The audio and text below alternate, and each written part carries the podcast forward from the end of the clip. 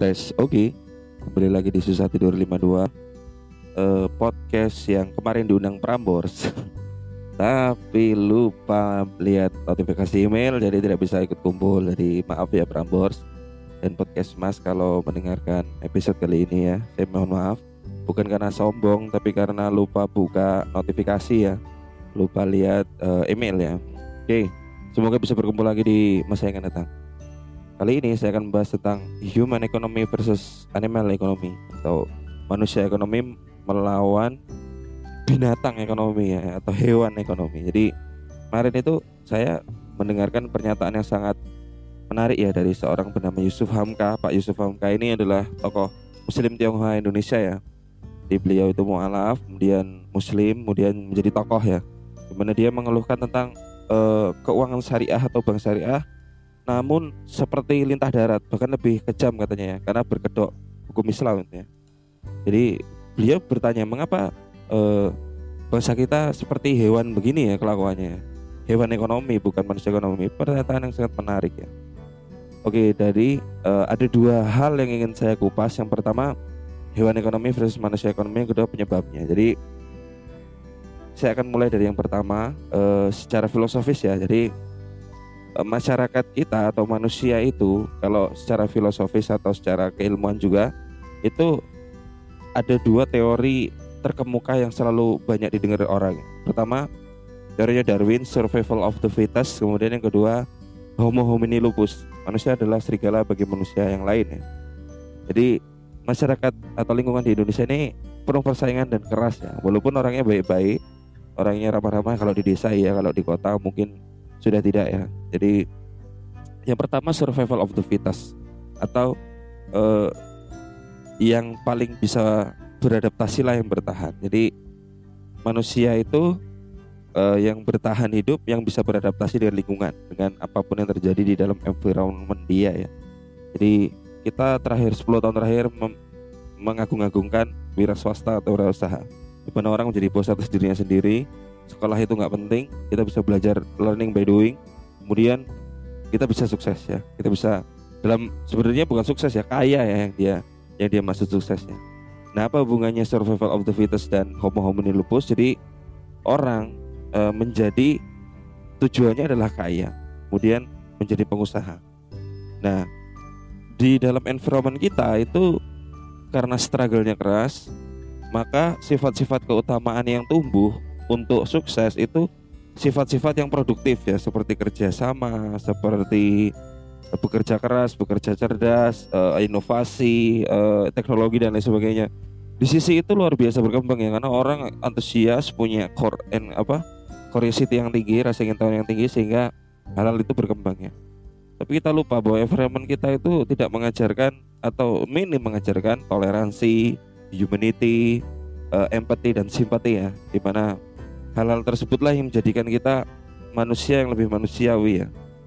Jadi orang-orang yang sukses orang-orang yang kaya karena usaha ini yang e, menganggap sekolah nggak penting e, pendidikan tidak penting teoritis tidak penting yang penting praktek learning by doing ini e, seperti sebilah pedang dengan dua mata ya. Mata yang pertama yaitu kemajuan e, inovasi kekayaan yang pasti ya financiality dan ekonomik ya namun di sisi lain, pedang yang lain, mereka tumbuh menjadi manusia yang kaya, berada di top kelas, tapi minim simpati, empati, tolerance, dan lain sebagainya. Jadi kita melihat manusia-manusia kaya, manusia-manusia berduit yang tidak punya morality yang bagus ya.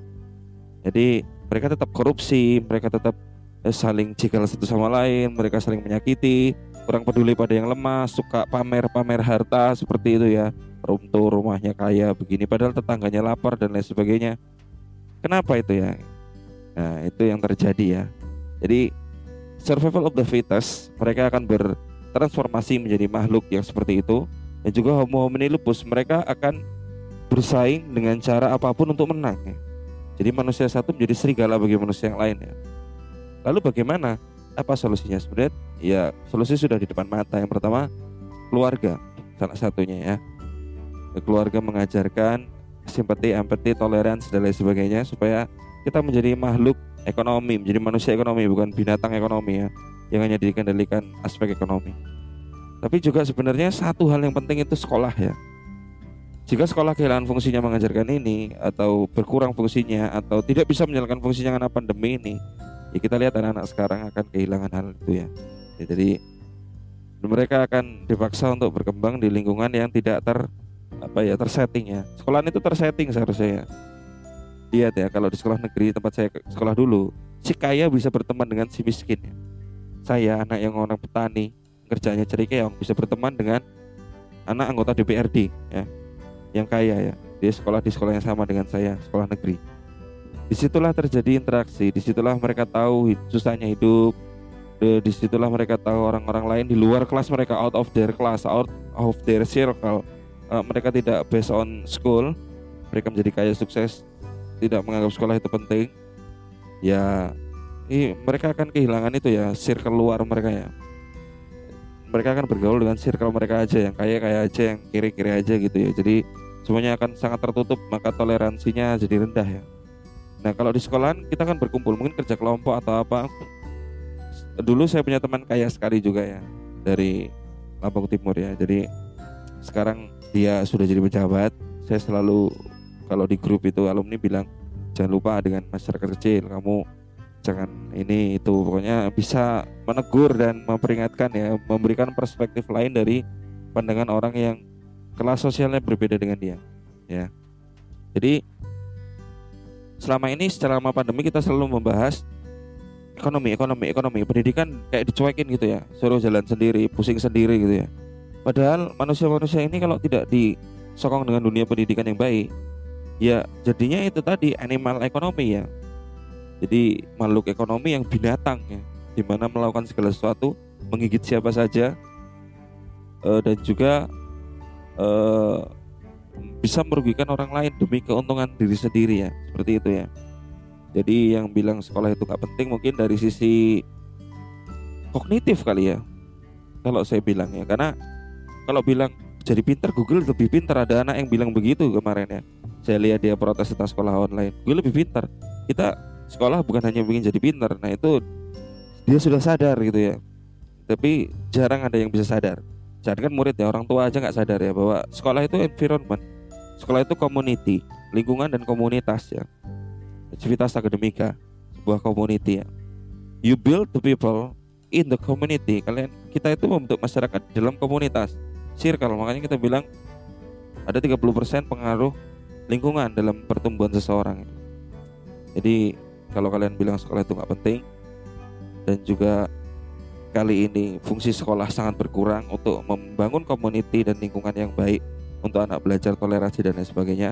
Yakinlah di masa yang datang akan banyak akan lahirlah generasi yang itu tadi animal economic ya. Semoga tapi tidak ya. Semoga tapi tidak. Semoga kita semua bisa menjaga corneringnya di orang tua juga.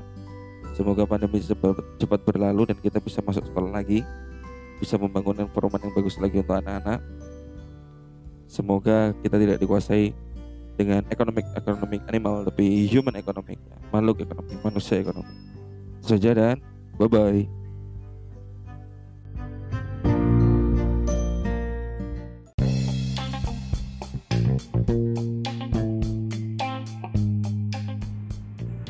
Hai, saya Wawan. Dengarkan podcast saya Susah Tidur 52 di Spotify, Anchor Radio, Break Radio, dan Google Podcast. Kalian juga akan bisa mendengarkan materi seni budaya dan prakarya kelas 6 dan segala macam obrolan lainnya yang walaupun random yakin itu bermanfaat ya. Jadi stay tune.